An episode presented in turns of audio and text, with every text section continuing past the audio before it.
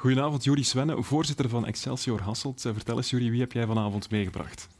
Uh, vanavond hebben wij uh, een ja, beperkte selectie van, de, van onze jeugdspelers uh, meegebracht. Ik moet zeggen, toen, toen je mij afgelopen week hebt gebeld, was dat binnen, binnen een paar uur uitverkocht. En wat typisch is aan onze club, we hebben zelfs niet moeten vragen draagt de Excelsior outfit, want dat, dat, is, een tweede huid. Ja, jullie waren een tennisclub, maar vandaag zijn jullie een tennis- en padelclub. Ja, dat, klopt. Dat is een belangrijk onderdeel geworden, denk ik ook, hè? voor uh, jullie ook. Ja, absoluut. Wij, wij zijn uh, voor het eerst uh, sinds ja, het onder, onder een achtjarig bestaan, hebben we meer dan duizend leden.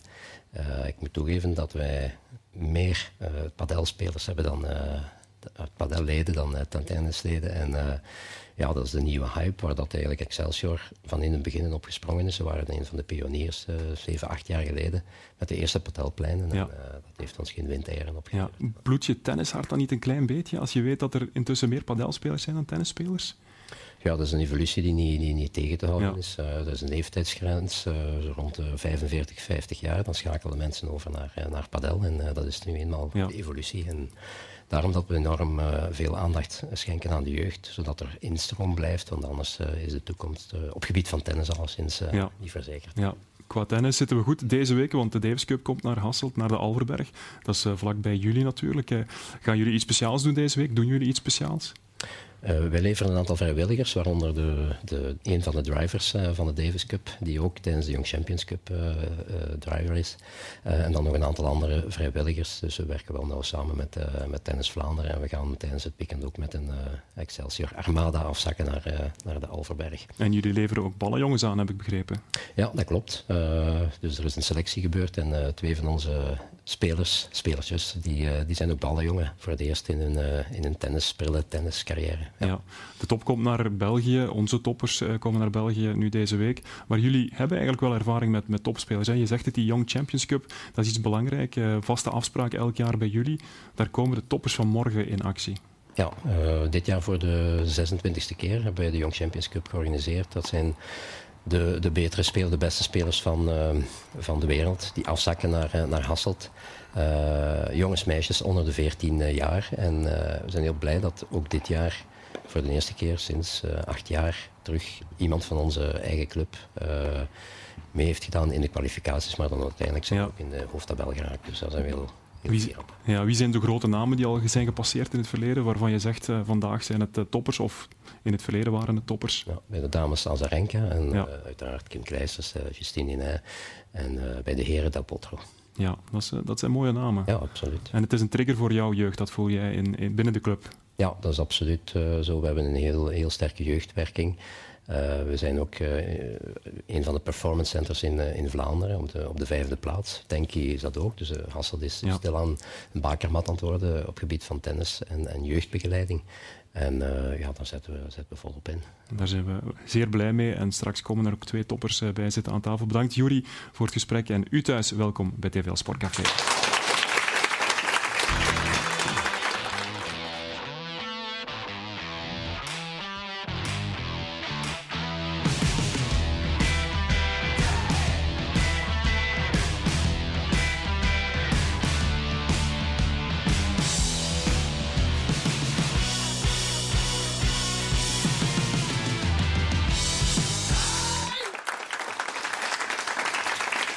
Hele goede avond, welkom bij nieuwe TVL Sportcafé. Straks praten we met Sander Gillet en Joran Vliegen over het Davis Cup duel van België met uh, Oezbekistan komend weekend. Maar eerst praten we over voetbal en dat doen we met een Canari, Matte Smets en met onze analist Stef Wijnands.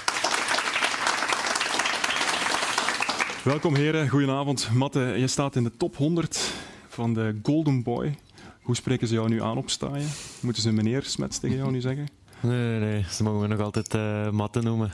Uh, ja, de ploeggenoten lachen uh, er wel eens mee. Noemen we wel uh, ja, Golden Boy. Maar ik bedoel, ja. het is altijd wel eens fijn om dat te zien, maar je bereikt er natuurlijk niet veel mee. Nee, maar het is wel mooi. Het is een mooie erkenning, denk ik wel. Want er ja, staan niet veel Belgen in. Vijf of zes, dacht ik. Nee, tuurlijk. Het is fijn om te zien. Uh, ja, om daarbij te horen ook natuurlijk. maar zoals ik al zei, je gaat er niet mee, veel mee bereiken. Nee, nee. Heb je moeten tracteren of zo? Heb je iets speciaals moeten doen? Nee. Nee, nee. Misschien nog van plan? Ja, misschien. misschien. Wat betekent dat nu voor een, uh, voor een club als STVV misschien ook? Want het is wel een mooie erkenning, denk ik. Ja, ja, dat is zeker voor de club een uh, erkenning. En voor hem ook, want hij gaat er nu wel licht overheen natuurlijk. Enfin, het is een pol, hè, Niels. Uh, dat, dat, dat, gebeurt door een aantal uh, media soms ook wel. Maar ja, goed, het feit dat hij daarin is opgepikt zo snel. Want ja, we vergeten wel eens dat hij pas is komen piepen in mm -hmm. eind december uh, vorig jaar. Hè. Dus, uh, en nu zijn we nog maar september en hij staat daar nu al tussen. Dus uh, ja, hij heeft ook, ik, ik zag hem nu weer en ik, ik zag hem in december vorig jaar. En ik denk dat hoeveel kilo, hoeveel spieren ben je bijgekomen? Want ik denk dat je veel in de, de krachthonk ook al gezeten hebt. Hè. Ja, ik probeer zoveel mogelijk na de training kracht bij te winnen.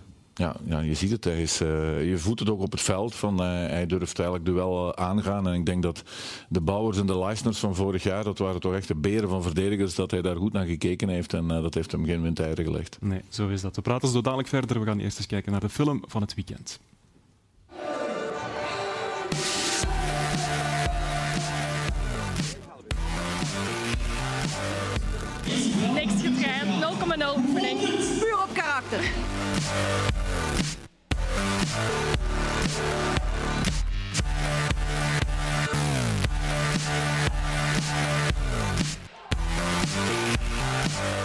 Ik hoop dat we weer finales kunnen, kunnen spelen. Uh, daar gaan we voor. En dan hoop ik dat we nu wel eens wat iets, net soms dat tikje meer geluk hebben.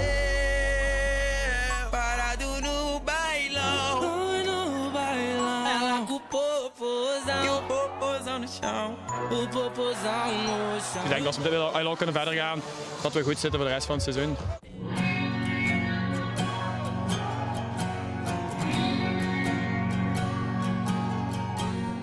Maar ik moet wel zeggen dat wij ja, uitstekend uh, bekercampagne gespeeld hebben. Zeker vandaag als je ziet de wedstrijd. Dat is gewoon uh, echt chapeau wat de jongens brengen.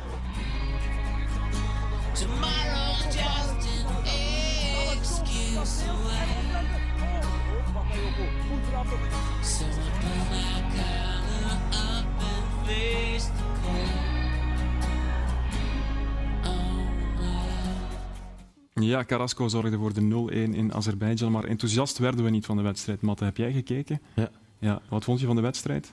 Uh, ik denk dat uh, ja, ze als groep nog elkaar moeten vinden, uh, elkaar leren kennen, vertrouwen kweken en dat het dan wel beter gaat. Ja. Heb je het gevoel dat dit ook een overgangsperiode is? Dat dat het ook een beetje is? Van een generatiewissel misschien? Ja, tuurlijk. Ik denk dat ze elkaar nog niet zo heel goed kennen. Er zijn veel nieuwe spelers die, ja, die komen piepen in het eerste elftal. Dus ik denk een paar matchen en dan uh, gaan ze wel beter en beter okay. spelen. Stef, is dit de nieuwe realiteit op dit moment bij de Rode Duivels? Ja, ja, ja Niels. We komen natuurlijk van uh, een periode dat uh, we tegen iedereen met de vingers in de neus wonen in de kwalificaties. Dat denk ik dat wel een beetje voorbij is. Dus we gaan binnenkort wel eens tegen de lamp lopen dat we tegen zo'n landen niet gaan winnen omdat we gewoon ook minder talent hebben dan wat we vroeger hadden. Dat moeten we durven erkennen. We gaan eh, niet meer samen Hazard, eh, De Bruyne, Compagnie, Vertongen, die op het top van hun kunnen, Lukaku, eh, allemaal samen. Ja, dat, dat hebben we nu op dit moment niet. Dus het is niet helemaal onlogisch. Maar we moeten natuurlijk wel oppassen dat het verval niet snel groot wordt. Ja. Het is ook voor onze nieuwe realiteit qua Limburgers in de selectie. We hebben er nu eentje met Leandro Trossard. Courtois is natuurlijk geblesseerd. Mm. Um, dat is ook wel nieuw voor ons, uh, aanpassen. Ja, dat zal uh, fluctueren. Hè. Uh, als er bij, bij Racing Genk een aantal of, of als Matte kan doorgroeien, dan, dan kan dat ook alweer snel gaan. Uh, um, maar goed, je, je voelt ook wel dat deze bondscoach toch ook in eerste instantie uh, spelers neemt die in het buitenland zijn. ja, ik vond het heel vreemd dat je Kuipers niet oproept. Ja. Ik bedoel, veel beter kan die toch niet meer uh, spelen. Uh, dus die is er niet bij. Dus je moet in de Belgische competitie toch nog wat meer gaan kunnen. Dus dat gaat nog even duren. Ja. Eerder ja. denk ik nieuwe Limburgers zullen bij zijn. Hè. Ja. Courtois, moeten we, wat moeten we daarover de, weten? De laatste die is geblesseerd, hè? Ja. Ja. Is dat nu opgelost met Tedesco? Nee, ik denk niet dat dat opgelost is, Niels. Ik denk dat dat nu een stille dood gestorven is voorlopig. Ja. En ik denk dat ook het allerbelangrijkste is voor uh, Thibaut nu dat hij uh, fit terugkeert. Want vergeet niet, zo'n blessure voor een keeper is, uh, is heb ik mij ook laten ja. vertellen, niet zo eenvoudig. Mm -hmm. Dus dat hij in eerste instantie terugkeert. En als hij terugkeert, of hij dan het EK zou halen. Dat weet ik niet. Uh, hij zou het einde van het seizoen bij Real Madrid gaan halen. Maar goed, hoe ziet dat seizoen bij Real er dan uit? Dat zullen we dan nog maar even moeten afwachten. Zeker doen ze het heel goed. Dan zal Kepa het ook goed gedaan hebben. Um, En dan zal hij en uh, Tedesco toch ergens een beslissing moeten gaan nemen. Maar dat dat niet zomaar uh, eenvoudig zal zijn, zoals sommigen hebben gesteld, dat denk ik niet. Want nee. dan uh, kennen we toch Thibaut Courtois niet, niet heel erg goed. Ik denk dat hij echt op zijn, op zijn tenen is getrapt. En ik vind ook dat hij voor een stuk gelijk heeft. Hij is niet komen opdagen, daar heeft hij natuurlijk wel een grote fout gemaakt. Maar de manier waarop de bondscoach hem voor uh, de Wolven heeft gegooid ja. op de persconferentie in Estland, daar had hij het kunnen minimaliseren en het, het kunnen gemaakt. oplossen. Hij heeft het groter ja. gemaakt dan dat het is. En ja, ik vind dat daar de bondscoach echt uh, om, om te tonen dat hij de macht uh, had. En uh, oké, okay, we kwamen van Martinez en daar konden ze alles mee doen de toppers. En ik snap wel dat hij wil zeggen van oké, okay, dat wil ik niet meer. Maar dit had hij op een andere manier kunnen oplossen. En de vraag is door de tijd gaat het slijten. Mm -hmm. uh, en als dat is, dan zal hij wel terugkeren. Maar ja. als dat niet is, ja. Oké, okay, tot daar uh, het hoofdstuk Courtois. Vandaag speelde de U21 van de Rode Duivels met Jarne Steukers. Uh, had je stiekem zelf gehoopt om erbij te zijn, Matte? ik denk dat elke speler dat wel ja. hoopt. Was je ontgoocheld dat je er niet bij was? nee, dat niet per se ik ben er tot nu toe nog niet bij geweest, dus het is ook weer een motivatie voor mijzelf om er volgend jaar dan weer terug bij te zijn. Of binnen een half jaar, binnen zoveel maanden. Ja. Heb je contact nu deze dagen met Jarne terwijl hij daar zit bij de selectie? Nee, heb het niet gehoord. Nee, nee. Gaan kijken, maar ja. toch niet gedaan. Nee. Het is wel een mooie erkenning voor jullie als jonge team, denk ik, met, met Jarne Steukers, met Matthias Delorge, met uh, Rijn van Helden, met jou. Ja. Zie je ja. dat ook zo? Ja, ja ik vind dat er heel veel jonge spelers in komen, ja, bijgekomen zijn met het eerste elftal. Die waren uitgeleend. Ik denk dat ze nu uh, heel goed doen. Uh, en dat is ook fijn om te zien. Uh, de sfeer is ook altijd goed met hun. Dus dat is wel altijd heel fijn. Ja, jullie kennen elkaar natuurlijk van bij de jeugdreeksen. Hm. Jullie zijn niet allemaal even oud, maar je voelt wel die connectie, denk ik. Ja, natuurlijk. ook in de kleedkamer en zo. we kunnen altijd met elkaar lachen op het veld. We helpen elkaar goed. Iedereen werkt voor elkaar. dat is echt wel een fijne groep. Wanneer had je door tijdens de voorbereiding van Torsten Fink gaat hier voor, voor ons kiezen, gaat, gaat ons ook echt durven zetten? Uh, ik denk pas een van de laatste momenten. Ik denk dat hij elke speler wel vertrouwen geeft, elke speler kansen geeft. Hij heeft iedereen evenveel laten spelen in de voorbereiding. Dus ik denk pas een van de laatste momenten. Ja, 8 op 18, is dat de juiste weergave op dit moment voor, voor jullie? Ehm, ik denk dat wij de eerste zes matchen eigenlijk goed gevoetbald hebben. Soms zat het resultaat wat niet mee. Maar ik denk dat we wel een goed, goede start hebben genomen. Alleen, ja, 8 op 18. Ik hoop natuurlijk altijd op meer. Ja, ja. Was het tegen Cercle of, of na Cercle Brugge terug een beetje met de voetjes op de grond? Uh, ja, ja ça va wel. Uh, ik denk, de coach was niet tevreden natuurlijk van het resultaat.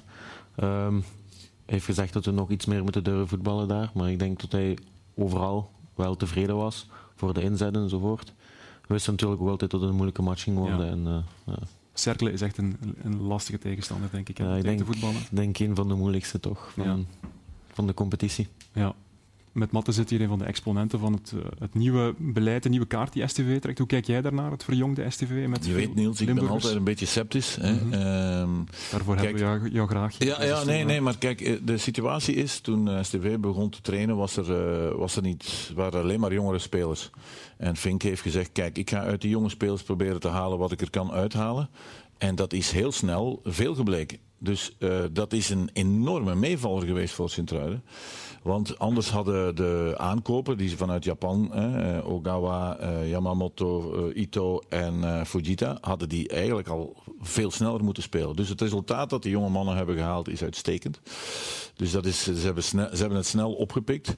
Uh, om nu, uh, ja, ik snap wel dat STVV dat vertelt, hè, van we gaan met, met jeugd spelen. Of dat nu op lange termijn ook zo is, Niels, dat, dat weet ik niet. Ik wil, het, ik wil het nog allemaal zien als we dat eens gaan bekijken over een periode van, van drie, vier maanden, de helft van de competitie bijvoorbeeld. Ja, dus wat dat betreft, ja, goed, wat uh, realisme.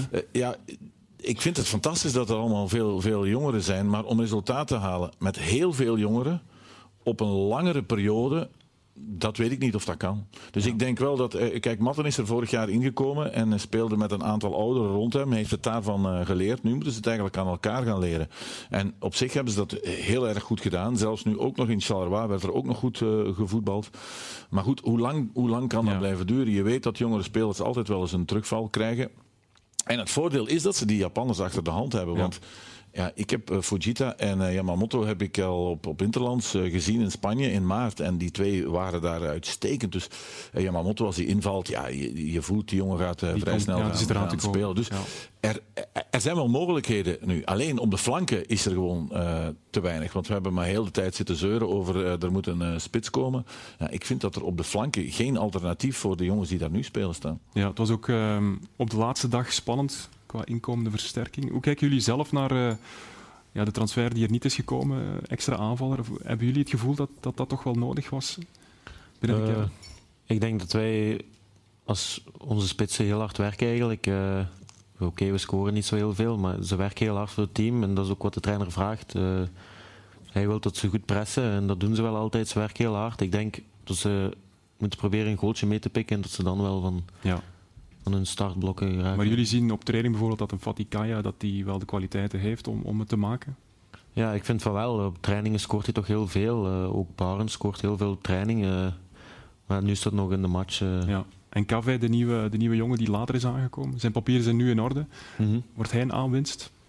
Ja, ik denk van wel. ik vind dat hem technisch heel, heel goed speelt. het enigste, ja, is er nu pas twee weken, dus hij gaat nog veel moeten aanpassen. Uh, ook in ons spel natuurlijk, we willen voetballen en ja, daar moet hij nog uh, een beetje in komen. Ja. Hoe groot was het verschil uh, die eerste weken op training onder Torsten Fink na Bernd Hollerbach? Want ik denk dat het bijna uiterste zijn hè, als trainers.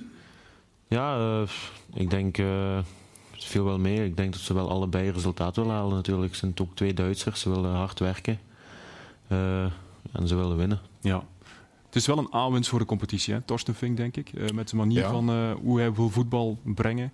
En ook hoe hij, de omgang. Uh, hoe hij er in de omgang, hoe ja. hij erin staat, is natuurlijk allemaal ook goed gegaan, Niels. Beter dan we allemaal verwacht hadden. Hè? Want als we nu zouden kijken naar met welke ploeg ze speelden en we dachten aan het begin van het seizoen als je dan nu met acht punten daar staat na zes wedstrijden. Ja, en ik denk, uh, Matte wil het misschien niet zeggen. Alleen tegen Anderlecht denk ik dat ze nog een punt zeker hadden verdiend. Dan hadden ze er, dan hadden ze er negen gehad, hadden ze geen gestolen, vind ik. Mm -hmm. uh, tegen Saccobrugge kwamen ze uh, tekort. dus ja, het is, het is uitstekend als, als dit kan verder gaan en je kan de Japanners inpassen. Ja, maar je moet natuurlijk wel op een bepaald ogenblik moet je een doelpunt gaan maken. Want als je uh, niemand hebt vooraan, kom je altijd in de problemen. Kijk, zo waren maar twee goede schutters vorig jaar. Met Vossen en Gano. Die zijn zelfs in, in de problemen gekomen. Ja. Oké, okay, daar zaten andere problemen misschien. Maar ja, je moet toch een, iemand hebben die af en toe, als het 0-0 is, gelijk nu in Charleroi, moet, moet er toch iemand zijn die plots iets doet waarvan je denkt, ho, uh, hier, we winnen 1-0, dank ja. u. Hollerbach zou vorig jaar... Um ja, het kot was te klein geweest, denk ik, met, in deze situatie. Hij zegt, ik heb geen extra spits nodig. Hij geeft wel vertrouwen. Ja, dat is wel een ja, andere, goed, ander discours. Toen Hollerbach kwam, uh, waren er minder spelers uh, dan wat Fink had. Hè. Ja. De, de, de Hollerbach is begonnen met negen of met tien spelers. Dus je moet ook de zaken vergelijken zoals ze waren. En in, in het tweede seizoen, toen Hollerbach begon, had hij eigenlijk een goede kern. Uh, alleen is toen de miserie ontstaan dat ze al die jongens niet verlengd hebben. En dat heeft in die groep geen, uh, geen goede geest uh, uh, gebracht. Maar in elk geval, ja, allee, Fink, Fink staat er heel leuk in, vind ik. Hij, hij heeft een heel positief verhaal. Um, dus, dus laten we hopen dat hij dat kan verder zetten. Ja. Ja. Is er voor jou veel veranderd in het tussenseizoen? Want het is jouw tweede seizoen en je moet nu bevestigen. Voel je dat dat toch een ander gegeven is? Ja, zoals hij al zei natuurlijk, vorig jaar waren er veel oude gasten. Dus toen kwam ik in de ploeg. heb ik ook heel veel bijgeleerd van die mannen. En nu heb ik het wel het gevoel dat ik zo'n beetje een van de ouderen ben dit jaar. Dat ik ook wel hun moet proberen te helpen. Terwijl je nog piepjong bent, hè? Ja, natuurlijk. Maar ja, het is eigenlijk mijn tweede jaar. Ja. En voor hun is het nieuw natuurlijk. En Mm -hmm. dus het brengt ook heel veel stress mee voor hun. En ik wil hun wel vertrouwen geven om die matchen dan toch zonder stress te ja, ik neem, spelen. neem aan dat Bruno Godot dan ook wel belangrijk is. Ja, heel, heel belangrijk. Uh, het is ook onze kapitein. Ervaring. Uh, hij motiveert ook voor de matchen, voor de trainingen. Uh, ja. Ja, die jonge bende, jij, Matthias de Lors, Jarno Steukers en, en Rij van Helden, zien jullie elkaar ook naast het veld? Is dat een vriendengroep ook buiten STVV? ja. Ja, we zien elkaar nog wel vaker. Alleen de meesten hebben een vriendin, dus gaan ze soms samen met hun vriendin ergens naartoe. Ja, jij nog niet. Ik heb geen vriendin, dus... Ja. Dus bij deze Limburg, we weten het. Um, je bent wel gebleven bij, bij STVV. Um, de verlenging kwam vrij laat. Hoe, hoe kwam dat? Wat, wat is het verhaal daarachter? Uh, ik wou sowieso eerst mijn seizoen uitspelen, ja. tot de matchen gedaan waren, zodat ik mijn hoofd bij de match kon houden. En uh, daarna zijn de onderhandelingen pas gestart eigenlijk. En hoe heeft STVV jou overtuigd om, om toch nog even te blijven? Want er was wel interesse, vernamen wij. Ik wou sowieso wel blijven.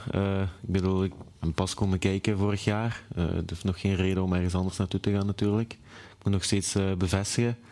Uh, dus ik wil altijd wel blijven. Ja, en je kan ook Golden Boy worden als je bij STV speelt. In de lijst terechtkomen, zo moet ik het zeggen. Want Jude Bellingham is ook Golden Boy geworden, dacht ja. ik. Ja. ja. Die speelt nog op een iets hoger niveau. Goed, uh, het is tijd voor een uh, levende legende.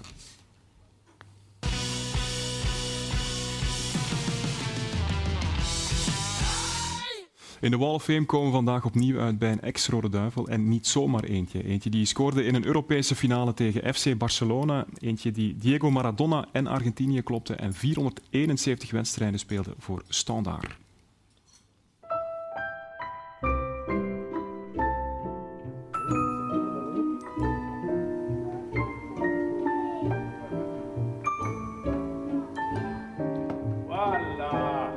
Was eigenlijk, uh, voordat ik op Stouwdar terecht kwam, was ik nergens aangesloten.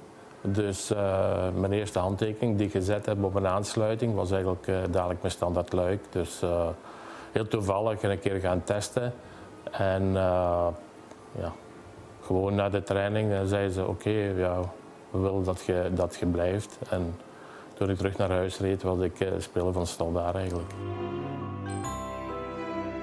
Op dat moment vind ik dat eigenlijk allemaal helemaal normaal eigenlijk. Uh, het is pas nadien, um, als die uh, resultaten er niet meer zijn, dat je zegt van ja, toen hadden we toch eigenlijk een schitterende ploeg. Het was een gegeven dat we, ja, we hadden eigenlijk pech met die loting dat die finale moest gespeeld worden in Barcelona. Als je dan tegen Barcelona moet, dan weet je natuurlijk dat dat uh, een heel moeilijke opdracht wordt. Zeker als je dan, ze zitten al met die twaalfde man, en als je dan de scheidsrechter nog meetelt, dan is 13 tegen 11, ja, dan, wordt het, uh, dan wordt het moeilijk. Wat de groep ook heel lang afgehouden heeft, maar dat uh, één persoon allez, toch doorge, doorgevoerd heeft, of ja, zover ons gekregen heeft dat dat daar werd aan toegegeven eigenlijk. Dus voor veel spelers uh, is dat toch uh, een hele wending geweest in carrière. Ik bedoel, de Gerrits die zat in, in, in Milaan. Uh, die heeft moeten terugkomen. PSV is natuurlijk nadien ook niet slecht geweest. Maar Simon naar Feyenoord dus en Jordan naar Rode. Maar dan heb ik nog niet over de spelers van, van Waterschei die daar ook in meegesleurd geweest zijn. En wat de carrière eigenlijk voor een stuk ook gedaan was fantastische ervaring. Ik bedoel, voor mij was mijn eerste interland en officiële interland. Argentinië was mijn eerste interland en dan uh, goede wedstrijd spelen en dan ja, fantastisch resultaat halen tegen de regerende wereld, uh, wereldkampioen. Nou, dat was, ik denk voor veel spelers zullen wel zeggen dat dat toch wel ook een toppunt was in hun carrière. We hebben ons kunnen plaatsen voor Europees voetbal met RWDM. Dus, onder René van der Rijken. Uh, ja, voor zo'n ploeg was, was, dat, was fantastisch natuurlijk. Hè. Onder was ik zo, zeker naar het einde toe, een periode was ik zo'n beetje ja, uh, zijn rechterhand op veld, naast het veld, eigenlijk uh, op training ook sommige zaken. Dus ik had graag wel eens in, een goede periode ook met, met René van der Rijken gewerkt op Stoudaar toen we een goede, goede ploeg hadden. Dan uh, denken we dat we heel goede resultaten zouden gehaald hebben. Ik heb me altijd heel goed verzorgd gehad en uh, altijd 100% eh, gegeven op training. Dus ik weet niet of dat het, het geheime recept geweest is of zo, maar voor mij is, het, is het geluk zeg maar, om, om zo lang te kunnen, te kunnen blijven shotten. Dat is een moeilijk moment. Hè. Dat is altijd iets wat je zo graag gedaan hebt en zo lang geduurd heeft. En dan moet je op een bepaald moment ja, dan zeggen, oké, nu stopt het hier. Ja, dat is moeilijk. Ze zeiden wel tegen mij, wat gaat jij in die bikkelharde wereld doen? En dan zeg ik, ja, ik ga het op mijn manier doen. Ik zeg, en, uh, dus ik ga me niet laten verleiden om, om het uh, op een andere manier te doen. En ik, ik heb daar altijd aan vastgehouden ook. Indrukwekkende carrière, Guy van der Smissen. En hij verdient uiteraard een mooi plekje aan onze Wall of Fame. Begint er uh, mooi uit te zien. En intussen zitten er twee nieuwe gasten aan onze tafel. Een uh, professioneel tenniskoppel, als ik dat zo mag zeggen. Sander Gillet en Joran Vliegen. Sander, dubbelpartners. Hè. Uh, hoe lang al intussen? Al acht jaar ondertussen. Ja. De hele tijd. Dat gaat goed. Dat blijft goed gaan. Tot dusver gaat dat heel goed. Blij dat te horen, want jullie spelen komend weekend in uh, de eigen provincie, niet zo ver van hier. Het is uh, de ring oversteken in de Alverberg voor de Davis Cup. Joran, uh, wat doet dat met jullie om zo dicht bij huis te mogen spelen? Ja, ik denk heel veel. Hè. Sinds dat we deel uitmaken van het team hebben we nog geen enkele keer in België kunnen spelen. En ja, je ziet wel altijd die, die wedstrijd op tv, is gigantische atmosfeer. En dat het in België is, is al super voor ons. Maar ja, dat het nog in Hasselt ook is. Uh, ik woon wel in Mazeik, dat is iets verder. Maar Sander woont echt gewoon hier. Dus uh, ja, een idealer scenario hadden we niet kunnen dromen natuurlijk. Ja, zondag is het uitverkocht. Voor zaterdag zijn er nog wel wat tickets, maar dat komt wel in orde, denk ik. Uh, zijn jullie al gaan kijken in de Alverberg? Want hij wordt omgevormd. Hè? Hij wordt omgevormd. We zijn nog niet gaan kunnen kijken, want ze zijn nog volop bezig ja. aan de court. Dus vanaf morgen is de eerste keer dat we binnen mogen. Ja, wij zijn gisteren al eens gaan kijken. Het is hardcourt. Um, is dat uh, jullie favoriete ondergrond ook meteen, Sander? Um, ik denk dat we iets beter presteren op gravel over het algemeen. Doordat we iets meer gewoon zijn hier in België. Maar ik zelf vind, en ik denk als we naar onze resultaten kijken, dat we indoor hardcourt ook altijd heel goed presteren. Dus ja. dat is prima. Jullie zijn in Limburg de blikvangers, denk ik, voor, uh, voor deze wedstrijd. David Goffin heeft natuurlijk ook zijn staat van dienst. Maar hier in Limburg zijn jullie dat samen met Zizou. Maar Zizou is er niet bij, dus iedereen kijkt naar jullie komend weekend zondag. Komende zondag. Uh, ja, Hopelijk. ja, hopelijk. hopelijk komen er veel mensen. Maar ja, Kimmer is ondertussen ook een, een halve Limburger geworden, aangezien hij in, in Lummen woont. Maar inderdaad, uh, van het hele team zijn wij de enige echte ja, oldschool Limburgers. En jullie zijn wereldtop in het dubbel, dus iedereen gaat ervan uit dat jullie ook straks uh, met de vingers in de neus winnen van Oezbeken, met alle respect. Ik denk dat dat inderdaad verwacht wordt, maar eigenlijk mag het ook verwacht worden. En ik denk dat we het gewoon zijn om met, met die druk te spelen. En we gaan gewoon uit van wat we altijd doen. En ik hoop dat we de opdracht volbrengen. Ja. Die wereldgroep 1, jullie spelen om het behoud in die wereldgroep 1. Kan je eens uitleggen wat dat juist betekent voor, voor ons land? Um, ja, heel veel denk ik. Hè? Want België heeft wel een, een, een goed verleden in de Davis Cup. Twee finales gespeeld. Um, net voordat wij deel uh, uitmaakten van het team. Maar ik denk dat we heel veel goede tennis-toppers hebben in België gehad. Ook nu en nog naar de toekomst toe. Dus voor ons, voor een klein land, is het heel belangrijk dat, dat we kunnen, ja, um, ons kunnen meten met, met die grote landen die, die misschien meer budgetten hebben. Die, die wat meer ja, bekender zijn in, in, in, het algemeen. Maar ik denk voor ons is het extreem belangrijk om ons terug te kwalificeren voor die wereldgroep. Ja, en we hebben natuurlijk nu met jullie twee toppers in, in dat dubbel. Wat vroeger niet zo was. Hè. Vaak was dat zoiets, dat kwam er dan bij. Maar jullie zijn gespecialiseerd in dit. Uh, dat is ook wel een extra troefkaart, denk ik, Sander. Ja, normaal gezien is dat een extra troef. Um, Ruben en Joris hebben heel goed gepresteerd natuurlijk in het verleden als enkelspelers die dubbel speelden. Ik denk dat nu ook een beetje van, uh, van de werk afneemt dat zij geen twee wedstrijden moeten spelen tijdens een weekend en zich vol kunnen focussen, of geen drie wedstrijden ja. zelfs, zich vol kunnen focussen op die enkel, terwijl wij ons vol kunnen voorbereiden op een dubbel. Dus iedereen doet specifiek zijn eigen ding. Ik denk dat dat in de long term een voordeel oplevert. Ja. Dat Davis Cup tennis heeft wel iets speciaals. Ik weet dat Philippe de Wolf, Christophe van Garsen, die zeiden dat vroeger ook al altijd van dat het is een soort van interclubsfeer dat terugkomt hè, bij, bij, bij het proftennis dan, zeg maar. Ja, zeker. En in het tennis heb je niet echt vaak de kans om voor je land te spelen. Dus als het dan een keer voorkomt, maakt het het extra specialer.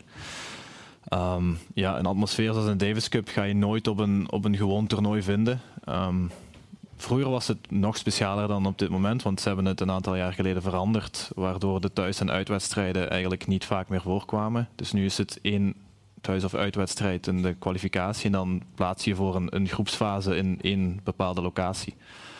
Dus dat is eigenlijk heel jammer, want um, Davis Cup heeft een traditie van, van geweldige atmosfeer te hebben met, met al de fans die, die komen kijken. En het was altijd een, thuisvoordeel om, om thuis te kunnen mogen spelen. En dat is jammer genoeg een beetje ja, uh, verdwenen. Maar. Ja.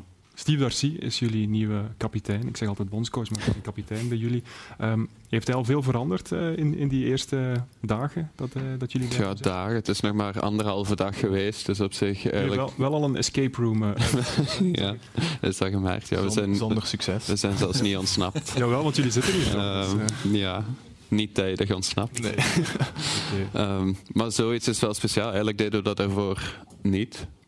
Uh, maar het is een andere aanpak. Ja. Uh, bij Johan was er veel meer structuur. Nu na één dag en half is er iets minder structuur. Ja. Maar de motivatie blijft hetzelfde. Het is gewoon een persoonlijke aanpak van iets meer vrijheid te geven. Ja. Um, en eender hoe, we zullen wel zien in het weekend wat het geeft, maar de focus ligt toch op het sportieve en op het tennis en op de wedstrijden dit weekend. Dus. Ja. Stef, David Goffin is nog altijd onze nummer één.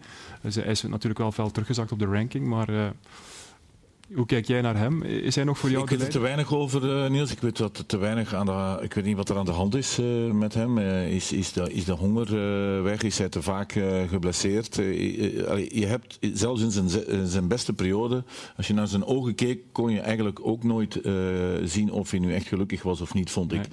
En dat, dat, dat kan ik niet inschatten. Maar, maar voor hun, wat de Davis Cup betreft, als je naar een Grand Slam toernooi kijkt, hè, nu de US Open is net voorbij, ja, kom, de dubbel komt nooit op televisie. Enfin, mhm. Nooit uh, in, in, in, in primetime. En nu, zondag, kan iedereen... Uh, ja. Sander Gillet en uh, Johan Vliegen echt live op televisie zien. Dus ik vind die, die dubbelwedstrijden zijn ook vaak heel erg spectaculair. Absoluut. En uh, ja, dat mis ik in, in een gewone Grand Slam toernooi, maar niet in de, in de Davis Beker. Dus wat dat betreft vind ik dubbel wel, wel hogere waarde dan dat ik nu nog eens een keertje Djokovic zou moeten uh, zien in een enkelspel. Dus dat, dat vind ik wel leuk. Dat is ook zo. Hè. Eh, het, zijn, het, zijn, spectaculaire punten vaak, die rallies die we bij jullie zien. Voelen jullie dat nog altijd zo aan, dat, dat er toch met uh, minderwaardig gevoel naar, naar het dubbelspel wordt gekeken? Sander? Um, een beetje minderwaardig misschien wel, vooral van, van de top uit, maar dan eigenlijk vanuit het, de tenniswereld. Dit is bijvoorbeeld leuk om te horen, maar dat is een reactie die we wel meer krijgen van de fans die, die graag kijken.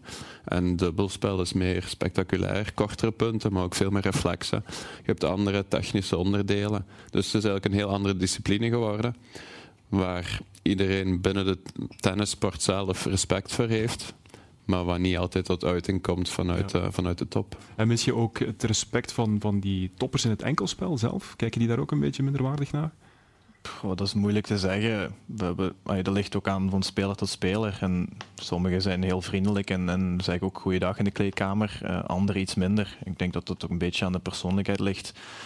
Er zijn wel een aantal die wel fel tegen de dubbel zijn. Um, een Riley Opelka bijvoorbeeld, die ook heel fel op social media daarmee bezig is. Om, om, wat ik eigenlijk heel jammer vind, omdat het is eigenlijk gewoon een collega en je doet gewoon dezelfde sport eigenlijk. Um, zo goed als. En dan hoef je mede-collega's niet zo in de grond te boren, vind ik. Maar, uh, wat had hij precies gezegd? Want het was uh, geen echt mooie uitspraak. Hè? Wat, hij... wat, heeft hij, wat heeft hij niet gezegd? Um, het laatste wat ik me herinner was een, een, een vrouw, of nee, een, een matchpunt van een, van een bepaalde wedstrijd. Uh, van een dubbelwedstrijd waar ze een matchpunt niet lieten zien op uh, Tennis Channel, denk ik. Ja. En waardoor ze naar de coin toss gingen van de, de mannenfinale. En dat hij, eh, iemand had gereageerd op Instagram van ja, ik vind het niet kunnen dat, dat het juist bij de matchbal wordt afgezet. En hij had gereageerd van ja, ik zou liever de cointos van een singlewedstrijd zien dan een matchbal van een dubbelwedstrijd van, van die dingen. Dus nee. jammer om te lezen. Absoluut, absoluut. Um, jullie seizoen, hoe kijken jullie daarop terug, Sander? Want jullie hebben een finale gespeeld van een Grand Slam, uh, Roland Garros, Parijs. US Open vorige week was, was minder goed. Um, het lijkt wisselvallig. Is, dat, is het dat ook een beetje? Iets minder nu. Die US Open was inderdaad jammer. Ja. Maar tot op heden hebben we eigenlijk het beste jaar tot nu toe. Van al die acht jaar dat we samen hebben gespeeld, is dit het beste jaar dat we hebben. Ook qua ranking, hè? Ook qua ranking, qua resultaten, qua alles. Dus dat is eigenlijk iets heel fijn om te ervaren.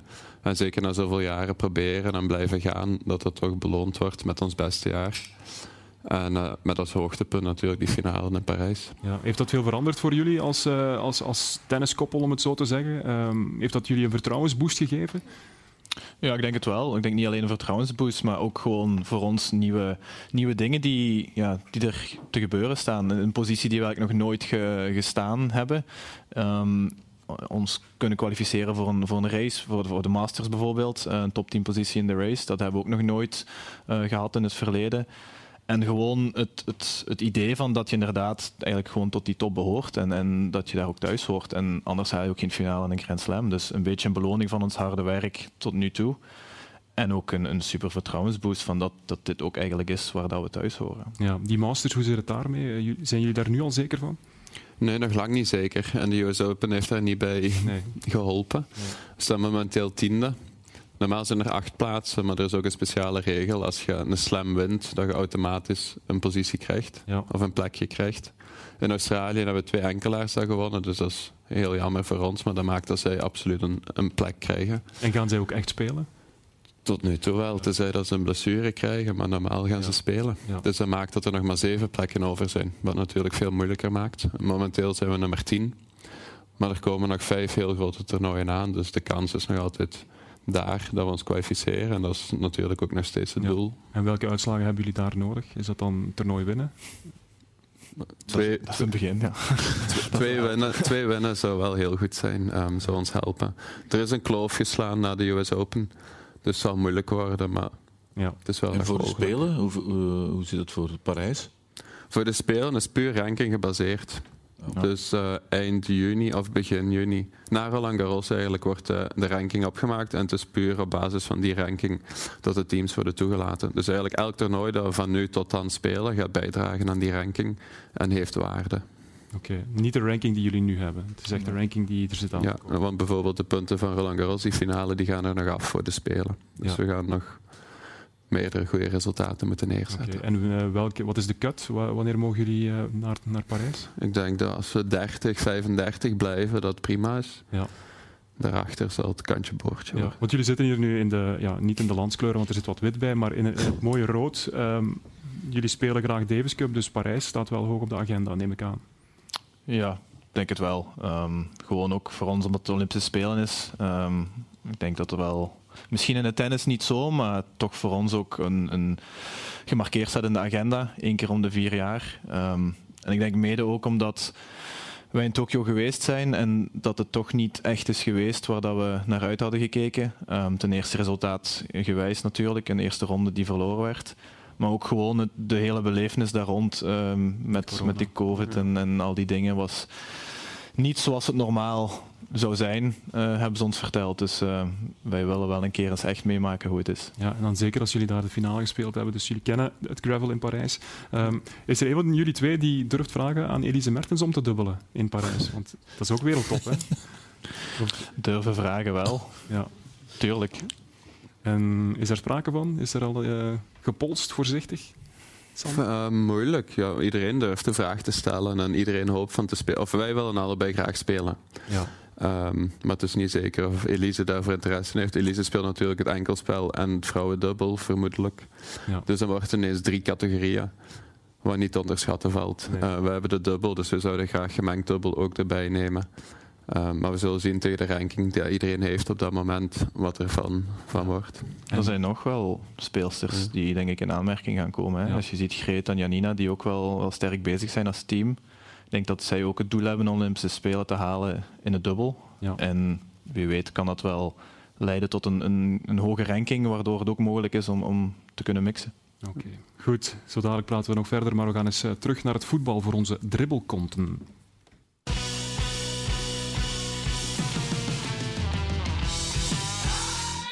In de Atrium Dribbelkoning Junior kwam Vince Gabriels van uh, Beek uit de trommel. Vorig jaar deed hij ook mee. Vandaag krijgt hij een herkansing. Vorig jaar deed hij trouwens ook goed. We gaan eens kijken hoe hij het er uh, dit jaar van afbrengt.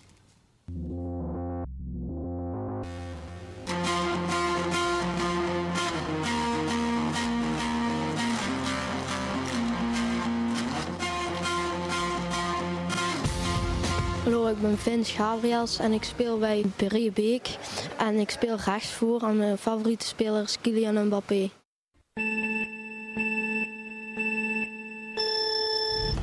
Vince is vertrokken. Vijf blauwe schermen wegwerken. Prima.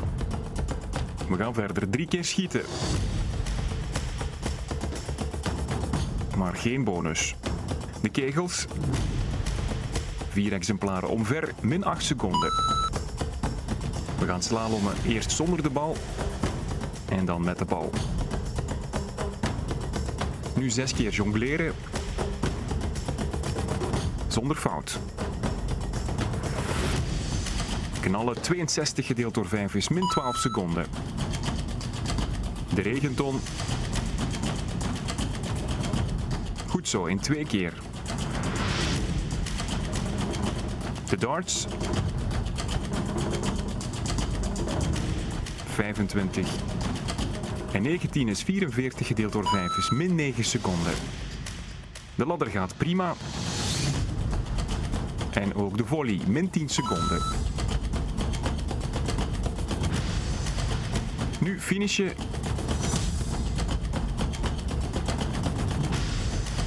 De bal ligt stil 1.52.76. Daar gaan 39 seconden vanaf. De eindtijd voor Vince Gabriels van KGS Breebeek is 1.13.76. Goed Vince, ik denk dat je ploegmaten bij Breebeek heel trots mogen zijn. Ja, ja, ik hoop het. Want het ging vlot hè?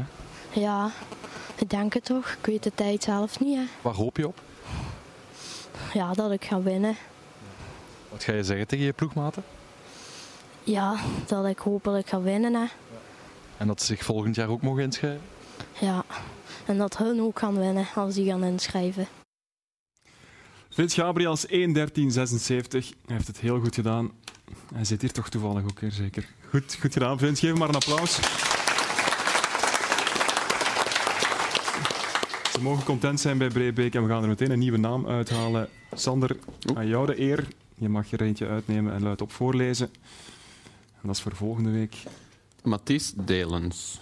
En hij speelt voor? Voor K. Heers VV. K. Heers VV. Oké, goed. Dat is, uh, dat is voor volgende week. Uh, Matte, uh, jullie spelen in de beker tegen Franc-Borin. Heb je gisteren de wedstrijd gezien tegen Tongeren toevallig? Nee. Nee, nee. nee. Maar je bent op je hoede voor een team uit 1B. Ja, tuurlijk. Het gaat niet makkelijk worden. Nee, nee het gaat niet makkelijk. Maar het is thuis, hè, dus dat is, ja. dat is belangrijk. Zeker in de beker. Naar Frankfurt, dat is al wat lastiger, denk ik. Um, bij Patro spelen ze tegen Gent thuis. Dat is ook een mooie... Weer een mooi affiche. Vorig jaar uh, Club Brugge, nu uh, Gent en Test. Ja, die, zullen, ja, die spelen wel opnieuw thuis. Dat is heel erg leuk. Maar jammer voor hen dat ze na vorig jaar Oostende nu opnieuw Charleroi... Dat, is ja. dat toch niet de ploeg die je dan graag uh, krijgt als je zo ver gaat. En uh, Genk moet naar Vizé zeker. Ja, dat had Lommel kunnen zijn. Hè? Uh, ja. Vizé ja. heeft Lommel uitgeschakeld. Dat, is, dat is eigenlijk wel jammer, geen Limburgse derby. Um, wat ik nog aan jullie wilde vragen. Na het seizoen, jullie zijn heel het jaar aan het rondreizen. Is dat dan even de riem eraf? Um, elkaar niet zien een paar weken, Sander? Is dat nodig? Um, af en toe is dat nodig, maar op het einde van het seizoen is dat iets minder natuurlijk. Dan zijn we allebei content dat het voorbij is. Even de riem eraf en dan is het, is altijd een heel kort ja. seizoen. Hè. Dus we beginnen in december alweer met de pre-season. Ja. En daar juist daarvoor hopelijk uh, een tweetal weken vrij. Twee, twee weken, is dat genoeg na zo'n lang slopend seizoen met veel reizen? Um, nee, ik denk het niet. Maar het hoort erbij en, en ja, het ja. is niet anders. Ja. Jij bent nu 30? Ja. ja.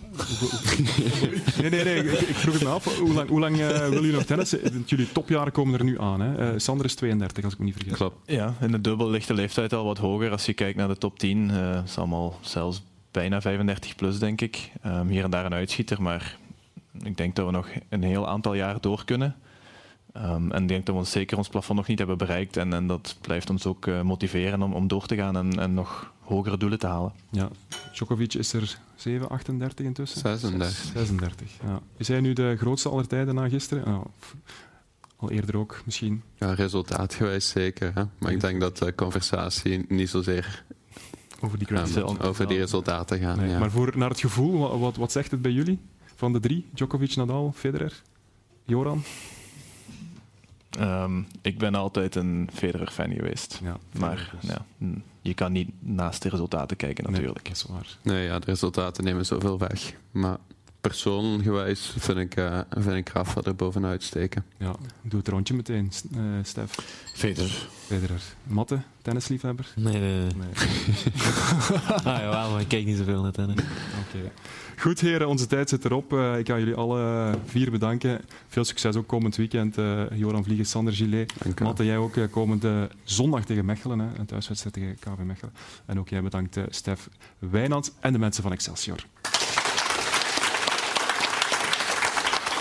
En uh, eindigen doen we waar we mee begonnen met de Rode Duivels, want Thibaut Courtois is hard aan het werken aan zijn terugkeer. Hij moet nog even geduldig zijn en dat geldt ook voor zijn bondscoach Domenico Tedesco en zijn trainer uiteraard bij Real Madrid, Carlo Ancelotti. Bedankt voor het kijken, tot volgende week.